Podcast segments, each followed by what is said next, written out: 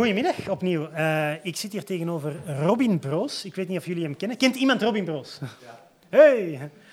Dit is raar. Kijk. ja, sorry, ik ken jullie niet. Spijtig, spijtig genoeg. Tom, van waar ken jij Robin Broos? Uh, eerste keer dat ik met Robin kennis heb gemaakt is een podcast van Welcome to the Ah, dat, dat heeft veel deuren geopend. dat is onwaarschijnlijk. Ja, Robin. Uh, is inderdaad ook te gast geweest bij Welcome to the E, dus de onvolprezen podcast van uh, Alex Agnew en Andries Bekkers. Daar was jij om te praten over jouw boek The Original Soundtrack. The Original Soundtrack is in 2020 verschenen, eind 2020. Uh, is dus uiteraard, zoals de naam zegt, een, een, boek over original soundtracks.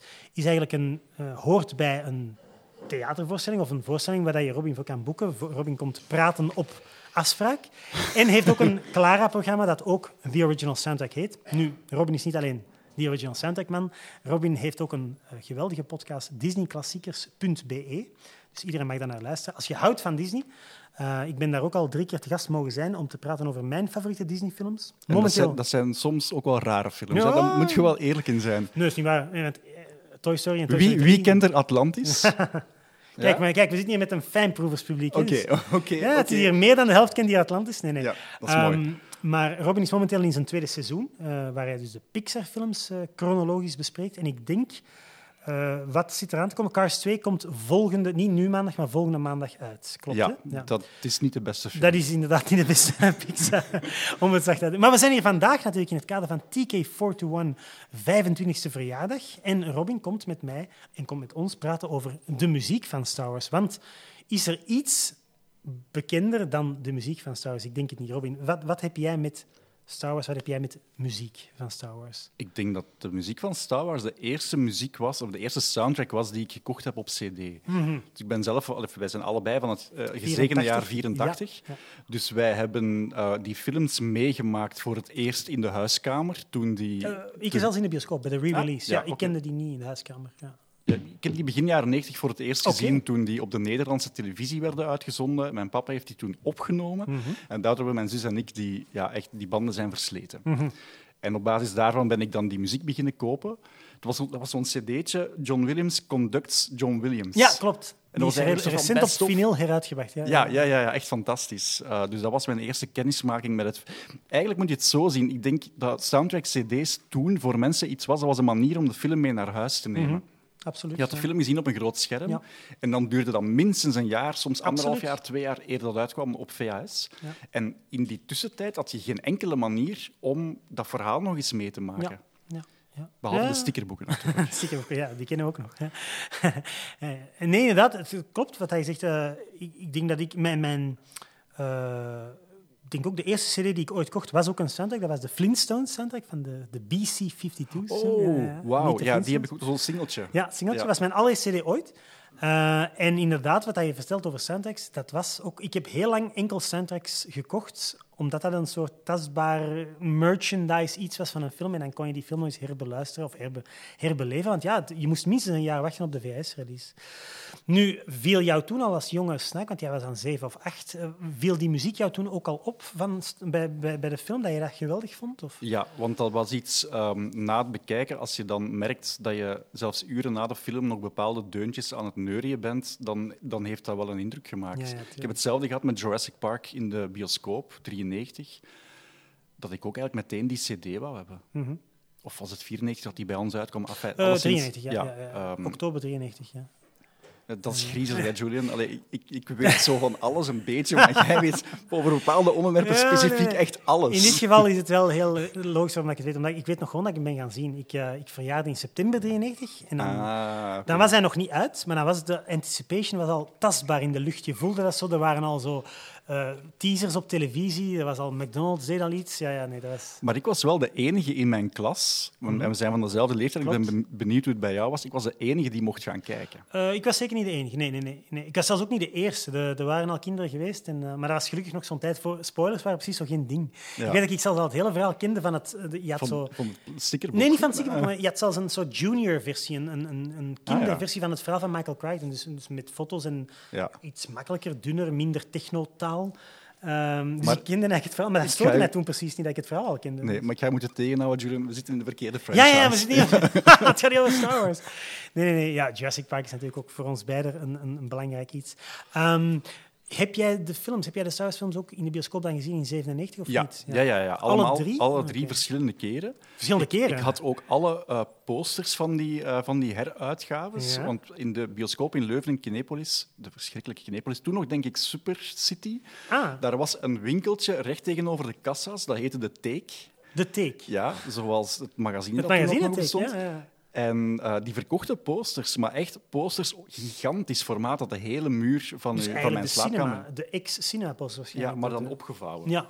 Dat was denk ik een Frans bedrijf, want die, die titels stonden er ook in het Frans op. Ah. Enfin, maar op dat moment vond ik dat nog niet zo erg. Eh, dus ik had die allemaal. Ja. Alright. En heb je die dan ook in je kinderkamer, Ja. puberkamer? eh, Ja, en dan, zijn die, dan is er ergens eens een moment geweest dat ik dacht, ik heb daar niks meer mee. Mhm. En dan is dat allemaal verdwenen. En dus nu heb ik daar niks meer van. En wel heel veel spijt ook. Ben jij vandaag eigenlijk nog een Star Wars fan? Absoluut. Oké. Ja. Want ik denk dat TK41, jij kende de club niet echt, of wel? Jawel, ehm, maar We moeten hem eigenlijk, inlijven. We moeten hem inlijven. ik heb eigenlijk nooit ja, de, de noodzaak gevoeld om met... Ja, ik, ik, weet, ik, ik voel mij heel klein hier. Ik snap ook niet waarom ik hier van voor zit. Mochten, mochten, wij, mochten wij hier een quiz houden, dan verlies ik sowieso. Nee. Maar- Ik ook zeker. Ik weet ook veel minder dan de echte kenners hier, de, de Tommy's Dus en ik, heb altijd gedacht, dat is niks voor mij, maar ik vind het wel allee, voor een kennismaking wel super gezellig. Ja? ik heb een paar jaar geleden het geluk gehad dat ik voor mijn toenmalige job naar Orlando mocht voor Star Wars Celebration. Jij mocht voor je job naar Celebration. Daar zouden veel mensen hier een arm en een been voor geven. En die- daarom dat ik mij een beetje schaam ook daarvoor, want ik voel mij wel een fan, maar niet een fan die er de nacht op voorhand al Ja. eh, voor de deur wilt gaan kamperen om toch maar in het panel te geraken, terwijl wij dan tien minuten voor het begon Oh, gewoon binnen mochten gaan om verslag uit te brengen. Hè. Dus ik ben dan wel meteen daarna ja.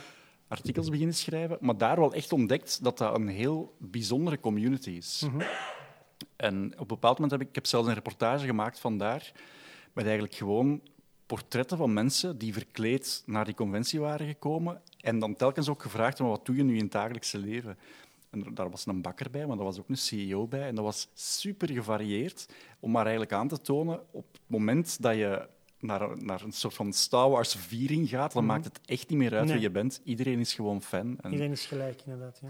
Ja, ja. Dat is heel mooi. De, films brengen, of de, de Star Wars films brengen de mensen samen. Want Wat trouwens ook, Julian, en ik moet, het, ik moet het wel even zeggen, want hier staat iets wat mijn ogen uitsteekt. en niet in de positieve zin, want ik ben absoluut geen fan van de, van de prequel-films. maar het, het grappigste moment op die Star Wars-conventie was toen George Lucas binnenkwam. Ja. Enfin, dat was op zich niet zo heel grappig, maar dus hij begint dan te vertellen. En op een bepaald moment begint hij Jar Jar Binks te verdedigen. Ah! En dan is denk ik echt de helft van die conferentiezaal rechtgestaan om boe te roepen. Oei, oei. Dat, dat vond ik mooi. Dat is... Ja, Ja, ja. Zo, zo ziet je maar. Ik ben een van die rare mensen die The Phantom Menace een heel goede film vindt, maar ik, eh, ik zal hem ook altijd verdedigen. Ehm, eh, misschien, wacht, ik had, ik had nog een vraag voor jou. Ehm, dus, ja, je, je, je. Ja. dus je was er dan in de hoedanigheid van journalist. Ja. Eh, heb je ook echt mogen spreken met, met key players? Heb je met eh, Nee, acteurs en regisseurs? Nee. Nee, er waren wel zo van die aparte persmomenten, Mhm. waar je dan met ja, alle journalisten die er zijn nog eens apart een soort van panelgesprek krijgt, Mhm. waar iedereen dan wel quotes uit mocht puren, maar nee, dat niet. Ik heb wel Anthony Daniels ooit Ah, ja. apart geïnterviewd, naar aanleiding van zijn boek, denk ik. Ah ja, je hebt al een paar boeken. denk ik. Ja, ja. Ja, maar het laatste is zoiets van IMC3PO. Ja, daarvoor. Mhm. Ja, het is Robin, eh, mensen die het niet weten, dus, en we hebben het gehad over jouw podcast en zo, en over jouw, jouw, jouw radioprogramma, jouw boek. Maar eigenlijk in het dagelijks leven ben jij een gewone journalist, zullen we zeggen. Jij schrijft, jij, jij blogt, jij, jij doet van alles. Jij, jij maakt content. Ehm, maar dus in die hoedanigheid eh, interview jij ook vaak interessante mensen. Dus je, je zal het niet geloven, maar Sevens heeft hij nog een interview met Olivia Wilde. Daarvoor zullen we het gesprek iets sneller moeten inkorten. Eh, jij doet dat soms in opdracht van Kinepolis bijvoorbeeld. Dan praat je met Robert Pattinson of met eh, Jordan Peele. Heb je in die hoedanigheid, heb je al ooit, buiten Anthony Daniels, heb je al Star Wars mensen geïnterviewd of totaal nog niet? Nee, nee.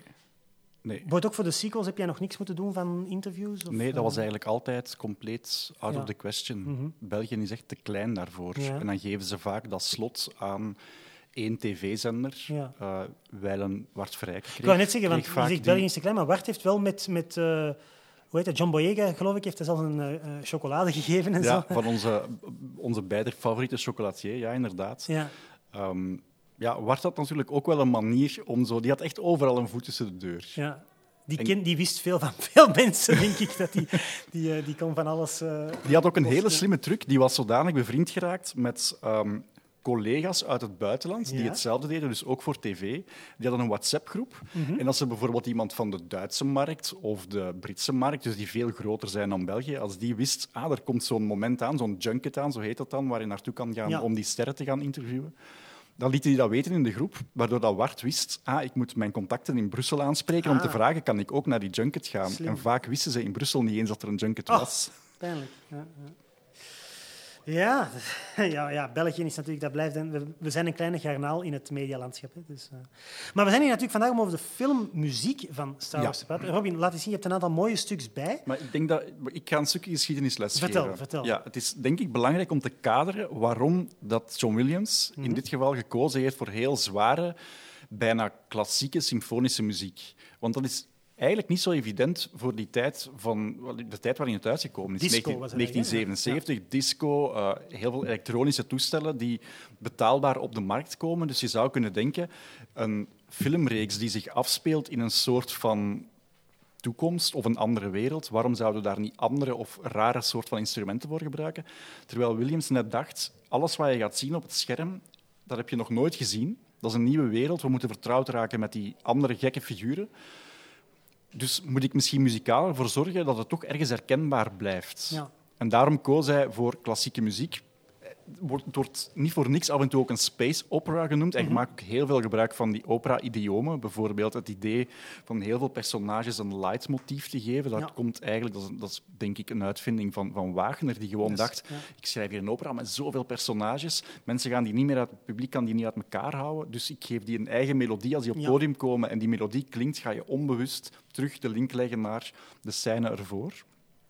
Maar, en dit gaat misschien pijn doen voor de mensen hier, eigenlijk is het niet John Williams die dat uitgevonden heeft om dat te linken aan space movies. Want bijvoorbeeld, ik zeg maar iets, A Space Odyssey, wat uiteindelijk echt klassieke muziek geworden is, maar daar was ooit ook klassieke muziek voor besteld. Zelfs die zijn schatplichtig aan die andere franchise. En ik heb daar nog nooit iets van gezien, dus ik zeg dat ook niet met... ehm, vanuit een soort van superioriteit of zo, maar Star Trek is daar in de jaren 60 mee begonnen. Ah. En ik denk dat dat een belangrijk kantelpunt is in de geschiedenis, waar de jaren 50, 60, als we het hebben over Hollywoodfilms, als het gaat over space-toestanden, dat klonk allemaal happy joy joy, eh, fijne space-age muziek. Dat moest vrolijk zijn, want dat werd vaak ook gesubsidieerd door de Amerikaanse overheid, die aan het publiek wilde duidelijk maken waarom het belangrijk was dat er zoveel taxdollars gingen naar het ruimteprogramma. ja, ja, ja. Maar eind jaren 60, ja, en er- is een nakende crisis op komst, raken mensen eigenlijk heel dat space-ding wat beu. En, en ja, er is een man op de, op de maan gekomen en waarom zouden we nu nog investeren daarin? En plots ineens krijgt ruimte een heel andere betekenis. Namelijk, ja, moeten we dat nog wel doen? We hebben het hier al zo moeilijk genoeg.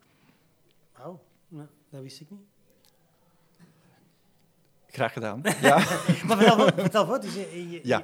dus, dus, dus John Williams eh, wordt gevraagd voor Star Wars. Want eigenlijk, Ja, en die denkt op dat moment, dat gaat één film zijn. Die Ja. gaat niet door dat George Lucas eigenlijk al een heel imperium in gedachten had. Ja, ik denk dat Lucas dat op dat moment ook nog niet... Hey, Lucas heeft altijd gedacht van ik moet zien dat ik genoeg geld verdien met een film, zodat ik een volgende kan financieren. Want hij, Lucas hield niet van het Hollywood-systeem. Lucas wilde graag independent zijn. En heeft dus inderdaad die eerste film gebruikt als een soort ja, leverage om eigenlijk zijn imperium te bouwen. Hè.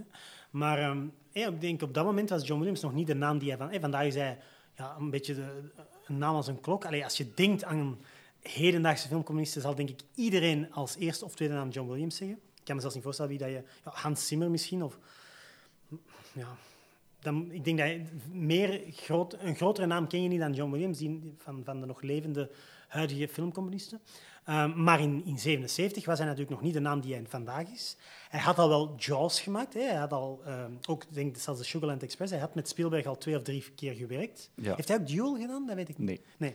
Maar het- Spielberg is vanaf Sugarland Express denk ik met, met Williams beginnen Ja. samenwerken. Maar opnieuw, Williams was niet die naam als een klok, was niet dat instituut, dat bastion dat hij vandaag is. Dus was dat evident dat Lucas met zijn toch low-budget film, want uiteindelijk Star Wars, kunt u mij lachen, maar 11 miljoen dollar is zelfs in 77 was een low-budget film. Ehm, Was dat evident dat hij met, met, met iemand als, Lucas, eh, als, als Williams in zee ging? Het was uh, op aansturen van zijn goede vriend Steven Spielberg, ja. die zei: Kijk, ik heb hier iemand met wie ik al een paar keer gewerkt heb, en dat is een genie. En inderdaad, op dat moment was dat nog niet de grote naam, dus zal dat misschien ook betaalbaar ik geweest denk zijn. het wel, ja, want ik, ik, kan ik wil eigenlijk niet weten wat dat John Williams vandaag kan vragen. Voor, heb je daar een idee van? Dat Totaal hij niet. voor een score, nee, nee. Dat zal toch wel een paar miljoen dollar zijn dat die man vraagt voor één film, hè, denk ik. Ik vermoed dat wel. En Ja. ik denk ook wel dat hij dat verdient, want Mhm, dat is een van de weinige componisten die ook het werk zelf doet en Ja. die niet... allee, Hij zal wel een paar rechterhanden hebben, Ja. maar niet zoals een... allee, ik wil daar echt niet oneerbiedig over doen, maar het is wel zo. De machine Hans Zimmer, Ja, die heeft veel knechtjes, hè, ja. 60 muzikanten achter hem staan, of componisten achter hem staan. En, en Zimmer zegt, dit is de melodie en trek er jullie plan mee. Ja. Dat is net iets minder... ehm, ja, dat is iets meer rockster dat hij zich gedraagt. Hè. Ook, ook zo die live shows die hij doet en zo, waarin hij zich als de Jezus Christus presenteert. maar ja, maar moet kunnen. Hè. Ik bedoel, Dat ga je Zimmer Williams is... nooit zien doen, trouwens. Wat zeg je? Dat ga je Williams nooit zien Nee, doen. ik denk dat niet. Ja, Williams, gelukkig, allee, het is ondenkbaar, want ik weet dat hij een jaar of tien geleden zei van ik blijf enkel nog in Amerika. Ik ben, op dat moment was hij 80. eh, hij zei ik, ik stop, ik ga een beetje afbouwen. En dan is hij toch nog een paar jaar geleden, zelfs nog vorig jaar, hij, heeft hij een paar keer in Wenen, hè, dus eigenlijk heel Ja. bereikbaar voor ons, in, in Oostenrijk. Ben jij toen gaan Ik kijken? ben in maart dit jaar geweest. Ongelooflijk. Dus jij hebt John Williams live weten dirigeren. Ja, en dat was de tweede keer. Dat was al jouw tweede keer. Ja, de eerste keer was, maar dat was echt een verrassing. En dat was terug op die Star Wars Celebration. Ah ja. waar aan het einde van het openingspanel, en dat was toen, ik denk met 40 jaar Star Wars. Ehm, en dat was ook net toen Carrie Fisher overleden was. Ah ja, dat kan, wacht, hè, 40 jaar zelfs 2017. Carrie Fisher is in december 16 gestorven, dus ja, waarschijnlijk ja, het inderdaad zal die- 17 geweest Ja, ja, zijn. ja. En ehm, aan het einde van dat openingspanel komt de dochter van Carrie Fisher vooraan en die Billy, begint een ja. heel emotionele brief voor te lezen. Mhm. en, ja, en dan gebeurt er iets heel Amerikaans. Mensen beginnen te huilen. Dat is zo... Ja, dat, Ja, ja, is zo bij ons hier. Wij zijn iets gereserveerder Ja. daarin, denk ik. En eh, die speech is gedaan en er gaat een doek open. En daar staat een 60-koppig orkest achter. Dus ik had al geen idee dat er nog zo'n hoek was in die zaal, maar het was er wel. En die beginnen Lea's team te spelen, wat Oh. eigenlijk al... Allee, dat vond ik Heel dan schoon, emotioneel. ja, ja. En dan de camera zoomde in en pas dan, pak na een seconde of 15, had je door wie daar vooraan stond. En dat was John Williams die zichzelf zo Ja, aan het hij vasthouden. Want ja, want eh, Hij is al op leeftijd, ja, ja. Hij was toen dan... eh, 85, ja. Jij moet toen toch wel even ook als Dat soundtrack-nerd... was- eh, Ongelooflijk, Ja. ja. het idee dat je in dezelfde ruimte was als de god, En neergedaald. toen heel erg ver in Wenen het geluk gehad van Ja. redelijk dichtbij te staan. Ja. Maar ook wel echt alles uit de kast gehaald om daar een interview mee te krijgen. Ik heb En zelfs geprobeerd, want, want ik- ja, dit heeft hier weinig mee te maken. Ja, maar vertel maar. Maar ik ben bezig met een project rond Belgische filmmuziek en Belgen op internationale scores. En daar Dirk komt denk ik dan. meteen. bijvoorbeeld, Ja. daar komt volgend jaar een, een plaat vanuit, een compilatieplaat. Ah, en ik ben daar een show over aan het maken waarmee we echt gaan toeren. En ik heb echt heel lang geprobeerd om, al was het maar tien minuten, een video-interview met John Williams Ja, te hebben over ja. ja, ehm, Dirk Brossé en over Toets Stielemans. Twee mensen waar hij eigenlijk heel vaak Klopt, mee samengewerkt klopt. heeft. Maar ik denk ook dat dat nooit tot bij hem geraakt. Ja, dat is het frustrerende inderdaad. Hè. Je weet soms, ik denk dat heel vaak van die aanvragen geraken niet eens tot bij de artiest. Want ik denk, als je het zou kunnen... Ik, ik weet zeker dat hij wel... Als je ziet, hij, hij is ook altijd, hij zegt dat ook altijd, van, eh, als, als Spielberg mij vraagt voor de dvd, dan doe ik wel een interview. Dus hij is zeker niet die grumpy, onbereikbare bronpot. Allee, of zo. Dus het zal wel weer gewoon de manager zijn die moeilijk doen. Ik, eh, Exact. we kennen ze allemaal, de moeilijke managers. Ja, ja, en ik snap dat ook wel. Die zullen elke Ja. dag wel tientallen dat Ja. soort van vragen krijgen. Ja. Maar ik heb wel, toen ik dan in Wenen was, eh, ben dan via de Wiener Philharmoniker te weten gekomen waar hij op hotel zat. En dan ben ik Je daar... bent hem gaan stalken. Nee, ik ik heb daar een handgeschreven brief eh, Ah. aan de lobby afgegeven voor meneer Williams en ze gingen het hem bezorgen. Dat is wel heel tof. Eh, maar je hebt ook daar geen reactie Nooit antwoord op gekregen. Ah, jammer. Nee. Ik heb vorige maand een brief naar David Attenborough gestuurd. Ik hoop dat hij ooit antwoordt. maar Dat zou prachtig zijn. ervoor, ja. We, we zijn allemaal... Ik heb ook al eens... Spielberg heb ik ook een, een geboortekaartje van mijn zoon bezorgd, omdat ik, ik had, ik had E.T. en Elliot dan maar ook geen antwoord. Dat is wel jammer, want dan Ja. lijkt mij nu echt wel de persoon Nee, maar- die dat charmant vindt. En dat schijnt, als je Spielberg kan strikken en je begint over E.T., je direct, geeft hem alle tijd, want dat is nog altijd zijn favoriete film zelf. Ja. En dan is hij direct, je ziet zelfs zijn ogen dat schijnt oplichten. Dat mag zelfs een cynische vergadering zijn over geld op dat moment. Dan ga dan laat hem, maar ik vermoed dat het waarschijnlijk ook nog nooit bij hem zal geraakt zijn. Maar dat zijn van die wat-als verhalen. Hè. Enfin. Robin, misschien Ja. leuk dat je eens een paar dingen laat zien, want je hebt heb een een paar paar mooie... dingen meegebracht. Ja, Eh, dus het magische jaar 1977, wanneer Ja. John Williams besluit om symfonische klassieke muziek te gaan gebruiken voor een ruimtefilm, gebeurt er iets heel gek. Ehm, je- er zijn echt tientallen coverplaten gemaakt. Ja. Dus coverbands die in hun eigen genre de muziek van Star Wars exact naspelen. De allergrappigste vind ik deze. Ik ga hem erbij nemen. Ehm, de hoes ziet er ook met een beetje verbeelding Normaal uit, uit ja, ja. als de echte hoed. Het logo is wel wat anders, maar Ja. ik zeg maar iets. Hè. Stel, Julian, je vraagt aan je grootmoeder met Die zou kerst, dat kunnen denken dat dat geef mij de LP van de soundtrack van Star Wars en uw oma ging naar de Frekertshop, Zeker. dan had hij deze plaat Zeker, meegebracht. ja, dat ziet er geloofwaardig uit. Het enige is, en daar zit het addertje onder het gras, bovenaan, nogthans, staat staat er... Ik kan het niet lezen zonder bril. Not the original soundtrack. is daar jouw boek ook op gebaseerd? ik vind het Not echt- the Ik original vind het echt fantastisch. Dat is een volledige score nagespeeld op een Moog synthesizer. Op een Moog synth, dat vind ik nog wel cool als idee. Ja. is- ik weet niet, mensen die hem niet kennen, dat is een van de meest legendarische synthesizers. Heel veel popbands zoeken een oude Moog om daar een bepaalde... Er zit een soort fuzz of een geluid in dat, dat blijkbaar heel 70s klinkt. Ja. Dan is er eentje, daar ben ik nog altijd naar op zoek, maar op Discogs is hij al twee jaar niet meer te koop geweest. Mhm. Dat is eh, een, een band die daarna ook nooit meer iets gedaan heeft. Die heette eh, de Rebel Force Band. De Rebel Force Band. En de plaat heet Living in These Star Wars. En de S op het einde is een Z geworden, waarschijnlijk om legal rights. Star en die hebben eigenlijk de thema's, de muzikale thema's van Star Wars gebruikt om daar dan heel slechte poprock-nummers van te maken. Wauw. Dus het, zijn, het is gebaseerd op de bestaande nummers. Dus je hoort dan bijvoorbeeld een slechte versie van die Imperial March, bijvoorbeeld. Of, of... Eh, Dat was er toen nog niet, dus Ah, nee, het was dus- 77. Ah, ja, dan dus je hoor hoort je dan een slechte versie van bijvoorbeeld de het openings, team. Ja. ja, de openingsteam. Als een soort rocknummer dan. Ja, Of- dus ze zingen iets en dan komt dat zo...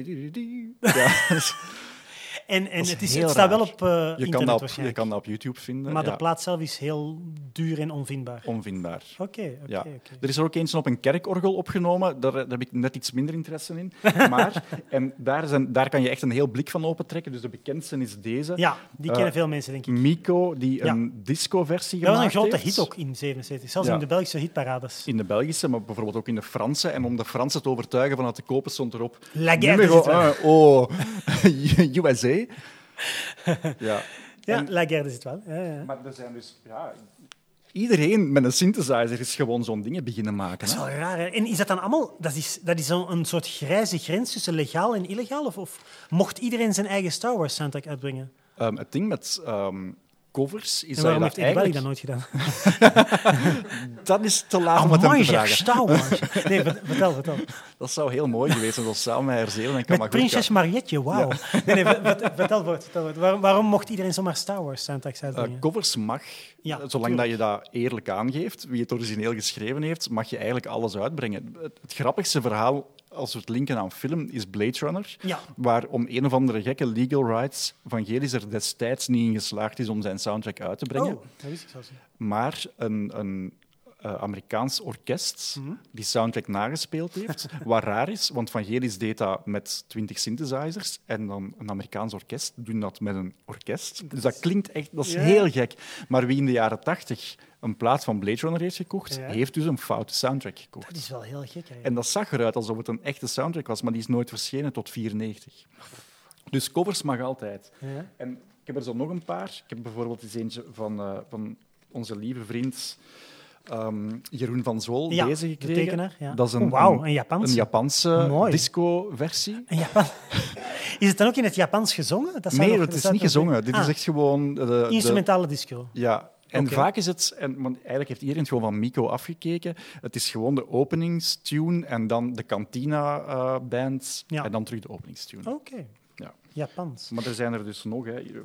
Soms zien ze, en de tekeningen zijn ook vaak echt verschrikkelijk. Ja, Gewoon is- om, om... Wat is dat zelfs? Is dat een soort slechte stormtrooper die een dans doet? Of? Ja, allee, het lijkt een beetje op de Iron Giant, maar dat komt Ja. veel later. Dus ja, fijn, waarschijnlijk gewoon met het idee, er moet iets ruimteachtig op staan, maar Ja. we mogen vooral niet... Het mag niet de stormtrooper Ja. zijn, ja. Eh, wacht, dat was, ja, nog eentje van de Graffiti Orchestra. Ah, de, ah, dat is waarschijnlijk American Graffiti dan, eh, de knipoog. En, maar, en dit is, Miko heeft dan ehm, bij de volgende films is hij dat blijven doen. Ja. Dat is nooit zo succesvol geweest, maar deze is bijvoorbeeld dat ding van eh, de, de e-box. De dat liedje van de e-box. njep, njep, njep. Ja, Ah, ja. ja, dat is aan deze kant. en dit is gewoon Ewok Celebration. Oké. Daar is ook een grappig verhaal bij trouwens, bij, bij dat nummer. Vertel. Eh, dat is ingezongen door Joseph Williams. Ah ja, dus, dat is de En dat is de zoon, ja. Van John Williams. En dat is de Toto-zanger, ja. Dat is de frontzanger van Ja, Toto. ja, Enfin, toen nog niet. Nee. Dus eh, het beste nummer van Toto, Africa, heeft hij niet ingezongen. Maar sindsdien is hij wel de, de frontman. Die heeft ook de eh begintune gezongen van ehm, Gummy Bears. Ah, kijk. de jaren 80 Disney-reeks. Ja. En hij zingt, hij heeft de stem van de volwassen Simba ingezongen in The Lion King. Ah ja, maar dat was niet Matthew Broderick, die had geen goede Die had geen goede stem. Dus Ja. dan hebben ze Joseph Williams gevraagd. Ah, Maar, en dat is het gekke, bij de, ehm, de, de, de remastered versies in 97 van die Star Wars films, is dat nummer plots gesneuveld. Klopt, dat is vervangen door een ander. En dat is heel controversieel. Hè? Dus heel veel diehard Star Ik weet niet wat dat jullie mening is, maar heel veel mensen vinden dus Njup Njup een beter nummer. Ja. Ik vind, dat dus, ik vind de vervanging veel mooier. Dat heeft zoiets melancholisch, warm, eh, triomfantelijk nadat het, die empire is gevallen. Wat, wat is jullie mening? Zijn jullie Njup Njup of, of niet? Handen omhoog, Njup Njup. Ah, zie, kijk, weinig. Dus de meeste mensen die zijn het met mij eens. Ja. Ja. Ja, ik vind dat veel mooier. Dat is toch een... een... Heel mooi nummer. Ja, Doe, mooi. vooral voort. Ja. Eh, Njup Njup doet mij denken aan iets... eh, en waar, ja, fijn, ik heb er toen niet over nagedacht. Vertel. Maar dat is de naam van een cocktail in Oga's Cantina. En Oga's Cantina is eh, dus eh, in zowel Disneyland in Anaheim, Californië, Ja. als Disney World in Florida heb je nu een Star Wars? zone. Ja. Eh, dat heet Batuu. Batuu is de naam van een nieuwe planeet die aan het Star Wars-universum is toegevoegd. Oké. Ehm, dat is echt fantastisch. Als je daar rondloopt... Jij bent in de beide parken al geweest? Ja. Ah, voor, voor de record, Robin is ook een enorme uh, pretpark-liefhebber. Disneyland. Eh, Disneyland, dus ja. jij heeft zelfs de, de Japanse al gedaan. Je hebt zelfs Shanghai al gedaan. Heb jij de Tron Legacy-attractie gedaan? Ik ben jaloers. Ja. zeg straks aan Olivia Wilde dat er een Tron 3 moet komen. zeg het. Eh, enfin, vertel, vertel over de Star Wars. Dus je hebt in Anaheim heb je een, een land en je hebt in Florida een, een apart Ja, land. en eigenlijk zijn die quasi-identiek. Ja. Ehm, en het idee is dat je, als je in Disneyland rondloopt, overal staat er muziek op. Wanneer je ehm, Galaxy's Edge binnenkomt, dus Batuu binnenkomt, ehm, heb je aan het, bij het binnengaan nog wel een orkestraal stuk dat vooral niet de openingstune is van Star Wars, maar een, een, nieuwe, een, een nieuw stuk dat John Williams geschreven heeft. Eh, voilà. Daar heb je zelfs ook de plaat van bij. Ja, dus de de Symphonic Galaxy's Suite. Edge. Ja, ja, ja. Prachtige cover. Eh, Ehm, en vanaf het moment dat je binnen bent, hoor je geen muziek meer. Eigenlijk alleen geluidseffecten. En het idee daarachter is, ja, het zou heel raar zijn, mocht die planeet Batuu echt bestaan, dat daar de hele dag Star Wars muziek op staat. Ah, dat is wel heel slim. Weet je, als je in Antwerpen rondloopt, staat er ook niet de hele dag de Strangers op. Dat zou, dat zou verschrikkelijk zijn. Antwerpen. Stel je voor, als je op de meer rondwandelt. Nee, dat is wel heel slim. Dus ze beschouwen het eigenlijk een beetje als, alsof je echt op de planeet Batuu bent, waar Ja. uiteraard niet constant muziek is. Ja, waar mensen nu ook anders aanspreken, waar medewerkers ook allemaal iets anders aan hebben, alsof dat de lokale mode is, waar de merchandise-kraampjes geen Star Wars merchandise verkopen, maar natuurlijk dingen waarvan je meteen in één oogopslag ziet dat is van Star Wars, maar daar staan geen grote logo's op. echt heel Want dat bestaat daar niet. Ongelooflijk slim. Je kan daar blauwe melk drinken, wat trouwens verschrikkelijk is, maar dat is waarschijnlijk dat is een, dat is een Nou, geldkoe. dat dan? De- de- ja, naar zo snoepjes. snoepjes. ah, ja.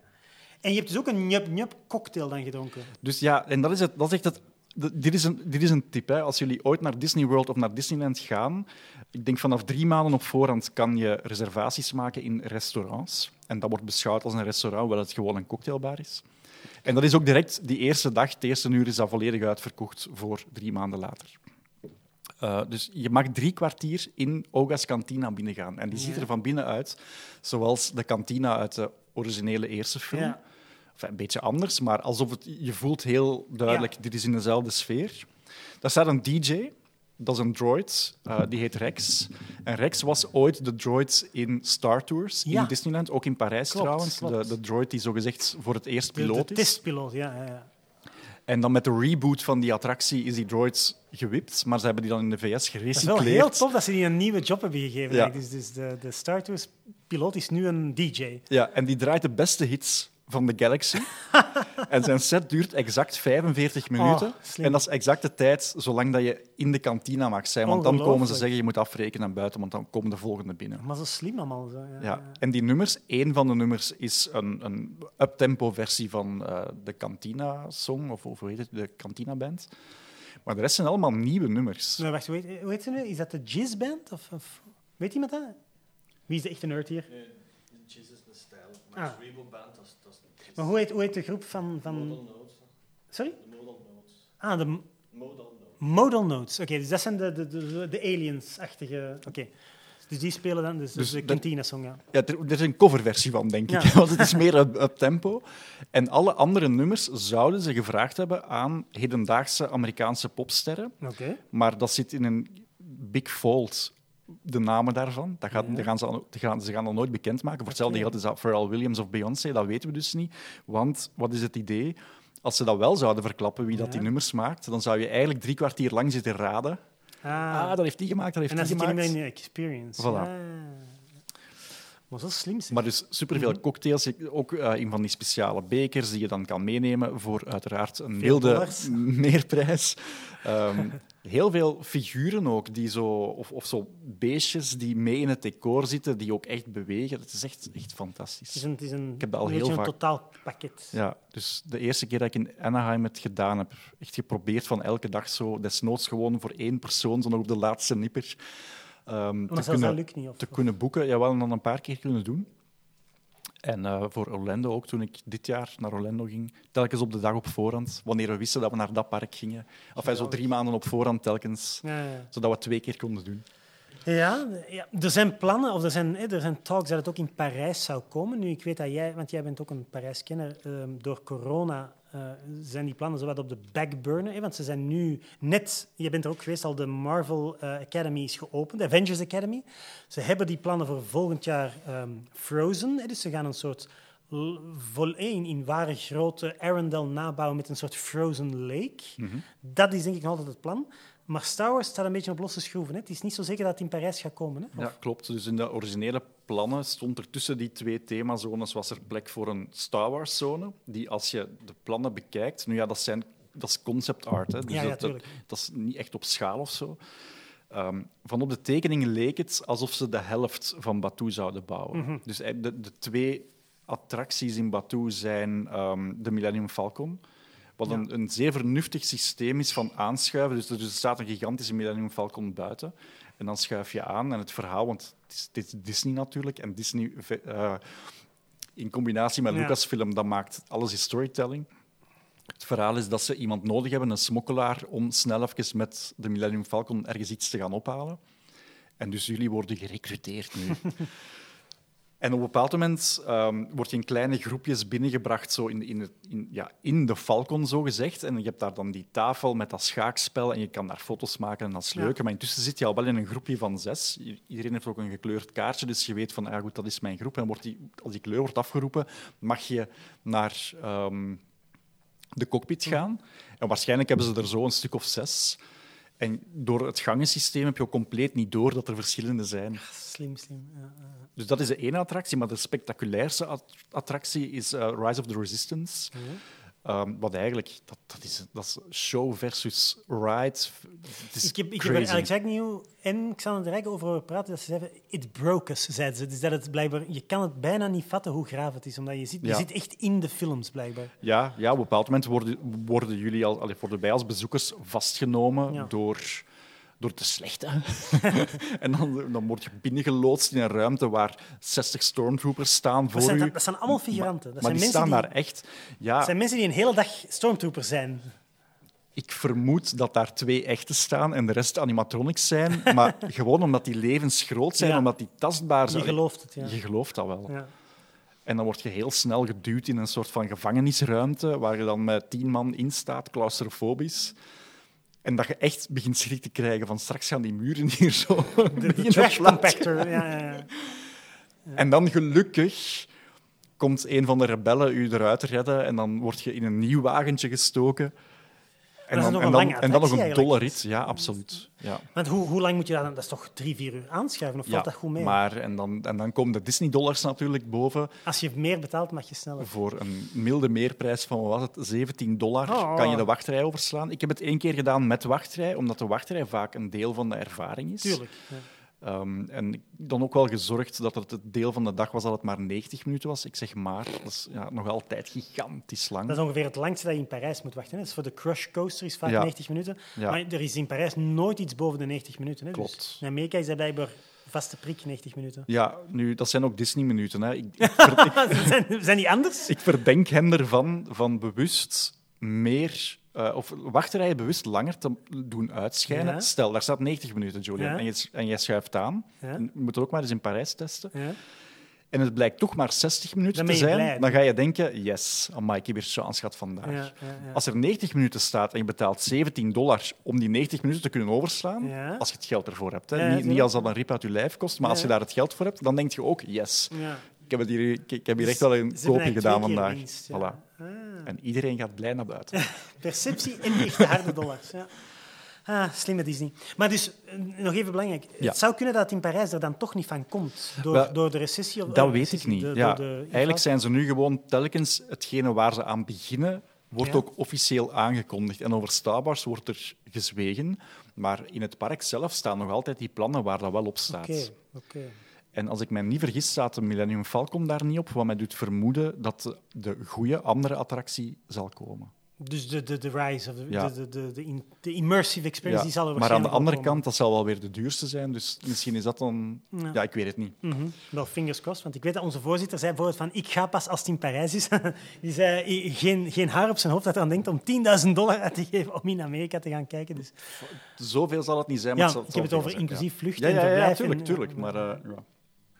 Want een, een eh, toevallige meisje dat ik ken, die is momenteel in Amerika voor de D. Jij kent een meisje. Ik ken, een, ik ken maar één meisje. Dat is, ja. wij zijn nerds, hè, dus wij kennen niet veel vrouwen.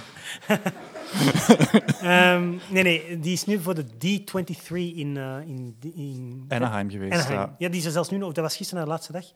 Ehm, en blijkbaar zei ze ook van ja, dat is iets van een 10.000 dollar voor alles. Want ze is dan ook de twee parken gaan doen. En, eh, Ja, maar dat is, dat is een ander verhaal. Hè. D23 is al duur op zich. ja. Ik weet niet of Dat is- jullie dat hè. Dat is zo'n beetje een soort. Kan jij het uitleggen? Dat is een soort aandeelhoudersvergadering waar dan mensen op mogen komen. Dat is een soort. Nee, dat is, eigenlijk is dat gewoon een Comic-Con of Van Disney, all ja. things Ja. Disney. Ze, en ze kondigen alles aan. Hè. Ze kondigen Ja. de nieuwe films aan voor de komende twee, drie jaar. Avatar, Star Wars. Dus bijvoorbeeld als het over Star Wars concreet gaat, Star Wars Celebration bestond al lang voordat Disney het overnam. En dat laten ze gewoon zo passeren, want dat brengt hen ook veel geld op. Ja. Maar in de wereld van Disney, in die D23, blijft Star Wars gewoon een groot onderdeel. Marvel ook, en Pixar en Disney en whatever, alles zit daarin. Maar dus iedereen die betaalt mag naar die. Dat is een soort ja, heel speciale Comic-Con van Disney. Ja, Eigenlijk, en dat kost dan 300, 400 dollar, zeg maar iets, Oh. voor, voor dat weekend, voor die drie dagen. En dat ligt just around the corner van Disneyland. Dus dat is dan ook weer slim. Ja, dus je hebt heel veel mensen die dan denken aan het einde van de comic, van de, van de conventiedag, hè, want om zes uur is wel alles gedaan. Wat ga je dan doen? Ja, dan ga je het park in, maar dan zijn je eigenlijk al twee keer aan het betalen voor die dag. Want Disneyland is ook Je niet mag gratis. niet, het is niet dat je Nee. bijvoorbeeld... je- Dat zou nu nog wel doen, dat je bijvoorbeeld een ticket voor D23 geeft je ook toegang tot het park, maar dat is dus niet. Nee. Ah, Want als ze dat zouden doen, dan zouden ze die, weet ik veel hoeveel, tienduizenden mensen in de conventie s'avonds moeten binnenlaten in Disneyland. En dat willen ze niet. En dat willen ze niet, want ja, als er mensen van 's ochtends al 120 dollar willen betalen voor een ticket, is, toch echt heel duur, hè? Dan wordt het inderdaad heel Ja, duur. En als je daar dan ook nog eens elke dag moet gaan eten. En, En merchandise kopen. Zij gaat met drie koffers naar huis blijven met merchandise. ja, zie, maar, en dan komen we aan 10.000 dollar. Ja. Ik had gevraagd of ze voor mij een Atlantis pin kon meenemen en ze heeft ze niet gevonden. Want blijkbaar is dat dan ook nog, die pins zijn ook maar op bepaalde plekken te vinden. Ja, ja, ja, Dus die pins zijn dan enkel in Florida te vinden. Dat vind ik dan ook mindblowing. Ik zou denken als ik Disney was, dat ik alle pins Ah, van dat dat jaar wel... crazy, ja. Ik zou dat aanbieden in al mijn winkels. Maar nee, dat is dus ook niet waar. Die pins zijn enkel in Florida. Dat, dat, ik weet, de strategie daarachter ken ik niet. Soms vind je merchandise van de andere kant van Amerika in de, in de andere Ja, parken. ik Dat vind het bijvoorbeeld in Parijs vind ik het logisch dat je bij de, hoe heet het, de Traders Outpost van Indiana Jones, vind ik het logisch dat je daar meer Indiana Jones merch vindt dan bijvoorbeeld in Fantasyland. Dat vind ik een logica. Dat je een beetje die themed winkels hebt. Maar zo die pins zou ik toch denken, ja, als je- ik zeg maar iets, eh, elk seizoen voorzie je 100 nieuwe pins. Ik zou die dan wel overal... Ja. Maar dat is dus niet waar. hè. Dus- Nee, enfin, ehm, ik ben, ben ook een grote tiki-nerd. Zo de Ja. Amerikaanse popcultuur. tiki? cultuur. Tiki? Iemand? Die Tiki's? hebben ook heel wat crosshovers tegenwoordig met Star Wars. Dus, voilà, dus er is wel... En ik denk dat dat ook wel wat dezelfde fans zijn ook Ja, in de ja. VS. Ehm, er is in Disneyland Anaheim een tiki-bar geopend, Trader Sam's. En nu is er intussen in Orlando ook zo eentje. Maar mijn favoriete tekenaar, Shaq, die artist... Die, eh, Shag, die artist? ja, Shaq. Dat is een, eh, Hoe schrijf je dat? een eh, S-H-A-G. Ah, Shag, zoals tabak. Oké. Ja, het is eigenlijk een acroniem van zijn Ah. Voor- en familienaam. Eh, dat is een pop-art tekenaar die eh, al heel vaak door Disney, maar ook door Star Wars gecommissioned is om dingen te maken. Ehm, die had een hele lijn voor de ene tiki-bar gemaakt. En op een bepaald moment zie je dan zo in die Facebookgroepen dat ze die, die spullen die specifiek voor Anaheim waren en die ook alles uitstralen van dat gaat over die bar, dat ze die ook verkopen in Florida. Dus dat- Mm, vreemd. ik snap de logica daar niet achter. Ja. Maar Shaq heeft bijvoorbeeld ook tiki-mugs gemaakt van Star Wars. En ik heb die gekocht. en dat heeft mij wel een rip uit mijn lijf Is gekost. Ja, Over wat spreken we dan van bedragen? 200 dollar per stuk. Bij lief. aankoopprijs. Hè. Ja, mocht ik die nu verkopen, dan kan ik daar wel makkelijk dubbel voor vragen. Oké, dus dat is weer al een, eh, een, een, een subcultuur van merchandise dat wij niet... niet de, Ja. de tiki-mugs van Star Wars. Heeft er iemand hier een tiki-mug van Star Wars? Kijk, Robin is de enige in deze zaal. Robin. Hoera! probeer, hem zelfs te overvallen en je hebt binnenkort een tiki-mug van Star. Nee, Ehm, nee geweldig, Robin. Eh, de, ik dat je hebt weer van alles verteld dat wij nog niet wisten. Eh, ik, ik hoop natuurlijk wel dat die Parijs-attractie er alsnog komt. Want ja, het zou natuurlijk wel sneu zijn. Het, het zou wel leuk zijn voor ons, voor ons de net iets minder gefortuneerden. Want je kan tenminste nog voor 1000 dol- euro kan je nog naar Parijs gaan, zou ik zeggen, voor een, een stevig weekend. Ehm, Eh, voor veel minder, maar voor die tips en tricks, daar gaan we een andere keer over praten. Robin heeft ook een podcast waarin hij uitlegt hoe je goedkoop Disney is. Niet waar? Stel je voor. Nee, nee. Ehm, heb je nog iets? Heb je nog misschien een leuk weetje over de Star Wars muziek of iets dat je wilt vertellen? Want jij hebt natuurlijk in jouw boek en in jouw radioprogramma komt John Williams ongetwijfeld meermaals aan bod als Ja. grote gigant die hij is. Ja. Heb je nog iets leuk voor ons? Een, een- Ja, een eigenlijk wel. Dus ik had het over die leitmotiefs. Hè. Dus, Ja. eh, John Williams heeft eigenlijk doorheen de reeks telkens voor belangrijke personages een themastuk geschreven. Zoals je daar juist ook al in, in het vorige gesprek aangaf, die Imperial March. Ja, dat is voor Vader, hè, ja, wat ja. we ja, inderdaad met Vader associëren. Dat zit pas in de tweede film en zo komen er elke film nieuwe thema's bij. Nu, op een bepaald moment ehm, besluit Disney, wanneer alles overgeko- overgekocht is, om spin-off films te gaan maken. Ja. En Williams zegt direct, ja, maar goh, daar ga ik... Ik ben te oud geworden Ja. daarvoor. Geef mij de, de canonfilms, wil ik Ja. nog wel doen, maar de spin-offs niet meer. En eh, de opdracht voor Solo, dus de Han Solo-movie, wordt gegeven aan John Powell. Mhm. En ergens in dat proces, en ik kan intussen wel met recht en reden zeggen dat het zo is, want ik heb John Powell erover gesproken Oh, twee jaar geleden op de World Soundtrack Awards in Gent. Ik wou nu echt wel weten, hoe komt dat nu? Vertel, vertel. dat John Williams toch uiteindelijk het themastuk van Han Solo geschreven. Ja. Want dat is toch raar. Je, Ja. gecommissioned een soundtrack bij waarschijnlijk al een dure componist. Ja. En dan zeg je, ja, maar, ja, maar thema's, het, het hoofdthema moet wel nog eens komen van John Williams. Dus die geven we ook nog eens een miljoen dollar. ja. Hoe kwam dat? Of, of, wat- is Omdat Williams zelf, toen dat nieuws kwam over Han Solo, zich realiseerde, ik ben blijkbaar altijd Han Solo vergeten. Ah, je had nooit een team, of nooit een leidmotief voor Ja, ons? dus er Oh. bestaat wel The Princess en Han Solo. Dat bestaat wel. Dat is een apart thema, de eerste kus tussen de twee. Maar Han Solo zelf als personage heeft nooit een leidmotief gekregen. Heb ik nooit, wisten jullie dat? Ik heb er nooit bij stilgestaan. Ja. Zo'n belangrijk, misschien wel het meest geliefde personage van heel veel Ja. mensen. En die had geen eigen motief. Ja. En als je dat dan nu beluistert, wat Williams ervan gemaakt heeft, dan is dat eigenlijk niet eens zo goed. dus dat is, dat is jammer. Dat is jammer. Ik moet zeggen, allee, uiteraard eh, 100 miljard liefde voor John Williams, maar de sequel zijn ook niet zijn beste werk, denk ik. Hè. Ze zijn zelden echt uber-memorabel geworden. Hè. Ik vind Race Team wel ongelooflijk. Is mooi, ja. Ja, dat is echt... Maar Ja. dat is het dan ook, denk ik, van The Force Awakens. Zijn er, is er een ander stuk dat je zegt van dat zet ik dagelijks op? ja, dat- Nee, nee, sowieso niet. Nee. Dus- en dan en- misschien eerder nog van The Phantom Menace, hoewel ik de films ja, niet meer opnieuw dat- durf dat vind ik een bekijken. heel goeie- maar heel de. Geef hem toch nog eens een kans, Robin. Ja, ja misschien wel. Ja, misschien... Ja, Julian, ehm, binnenkort... Enfin, ik ben dus nu voor mijn podcast Disney-klassiekers bezig met Pixar. Ja. Maar ook daar zit ooit een einde aan. Heb je een primeur voor ons, Robin? Ja, ik ben, ik ben eigenlijk van plan om een soort van derde seizoen te maken. Dat is, dat is lange toekomst, hè? Ja, maar ja, ja. eind volgend jaar, of zelfs 24, ehm, om Star Wars te doen. Dat zou wel heel tof zijn. Ja. En dat is ook redelijk eindig. Het zijn maar elf films voorlopig, dus dat is niet oneindig. Hè? Ja, maar dat zijn dan... Dus ik denk dan aan de canonfilms, de spin-off films, misschien de, de tv-specials, of de, de reeksen, Ja. maar dan wel niet aflevering per Ja, dat aflevering. zou mogelijk Gewoon zijn, ja. als geheel, Bijvoorbeeld dan één aflevering over The Mandalorian, één aflevering over Obi-Wan. Bijvoorbeeld. En ik denk dat de openingsaflevering, dat, is- dat, gaat, de, dat gaat de belangrijkste zijn. De En- Holiday Special. Nee, dat zou wel een goeie zijn. Ja, maar nee, dat is niet de opening. De openingsaflevering moet zijn met een panel van mensen die discussiëren wat is nu de volgorde waarin we ze gaan bekijken. Ah. Ja, dat is, en ik stel voor dat je zeker al Tim vraagt, uiteraard, want, uiteraard. Ehm, ja, als ik mijn bescheiden mening mag geven, ik zeg altijd het volgende van release. Ik vind dat je nog altijd 4, 5, 6, 1, 2, 3, 7, 8, 9. Ja.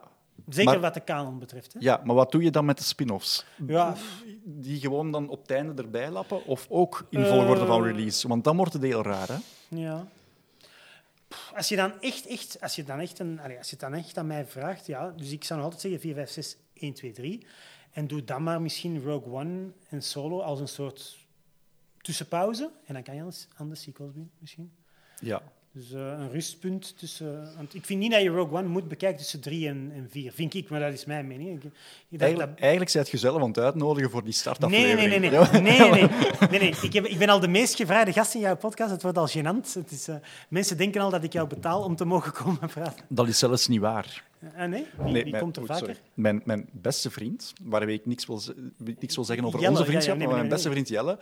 Ehm, maar die heb ik er al een paar keer bijgelapt. Maar die span jij voor jou kar als je niemand anders vindt. Ja, klopt. Dus als het zo van die onbekijkbare troep Disney zijn, zoals Chicken Run, dan is het... Jelle, kom jij nog eens babbelen? Chicken Little, ja. Ja, Maar, ik zei al Chicken Run, Chicken ja, Little. Ja, ja. Chicken Run vond ik wel leuk, Ja, maar dat is ja. geen Disney. Nee, of Ja. Home of the Brave of zo. Nee, Home on the Range. Ja, ik zit Ja. van alle films op elkaar te halen. Meet the Robinsons. Ja, dat vind ik wel een goeie, Rita Robinsons. Maar, eh, Julian, kom. sorry. Maar ja, je bent, je hebt de. Phantom Menace ook goed. Dus Ja, ja, ja, maar ik vind de Phantom Menace echt een goede film. Dit is trouwens de laserdisc, voor mensen die niet weten wat er hier staat.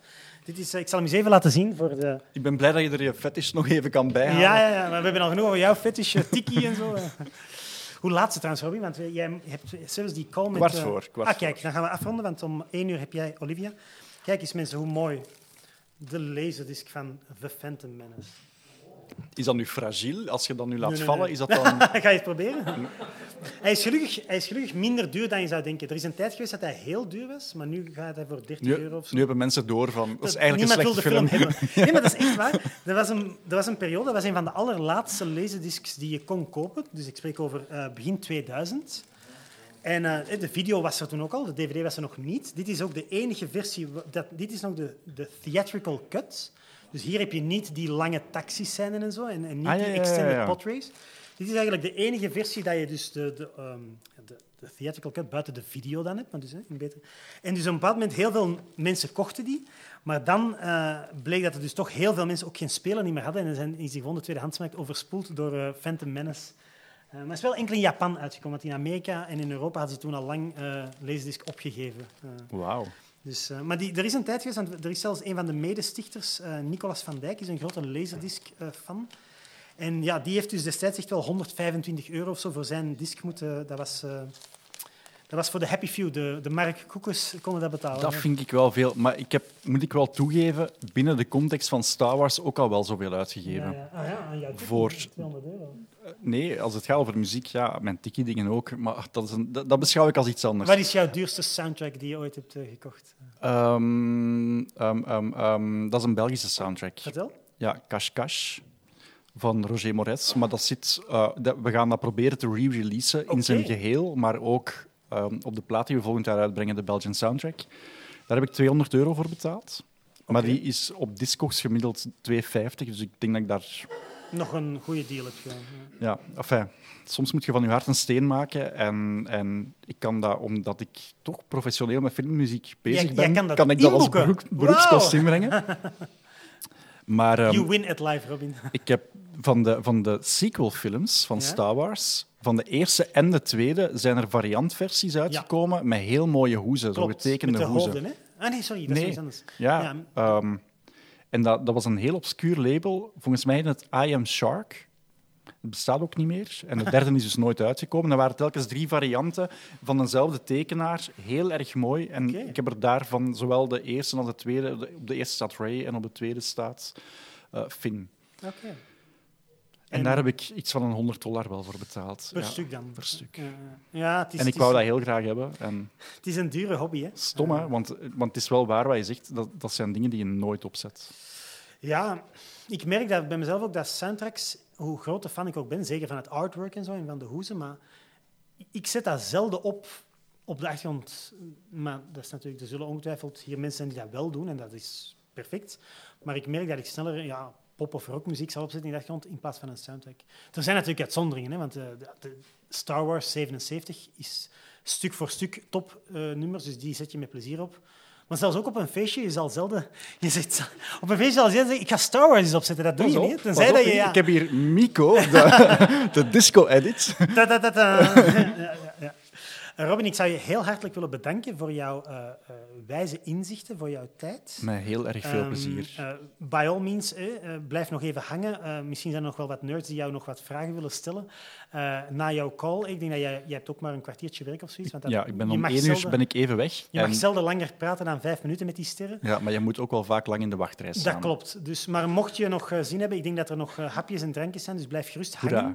Ja, Keigoed. en, en dus bedankt voor, jouw, eh, voor jouw tijd en voor jouw inzichten. met veel plezier. En veel, veel succes straks met jouw podcast. hier. Dankjewel, dankjewel.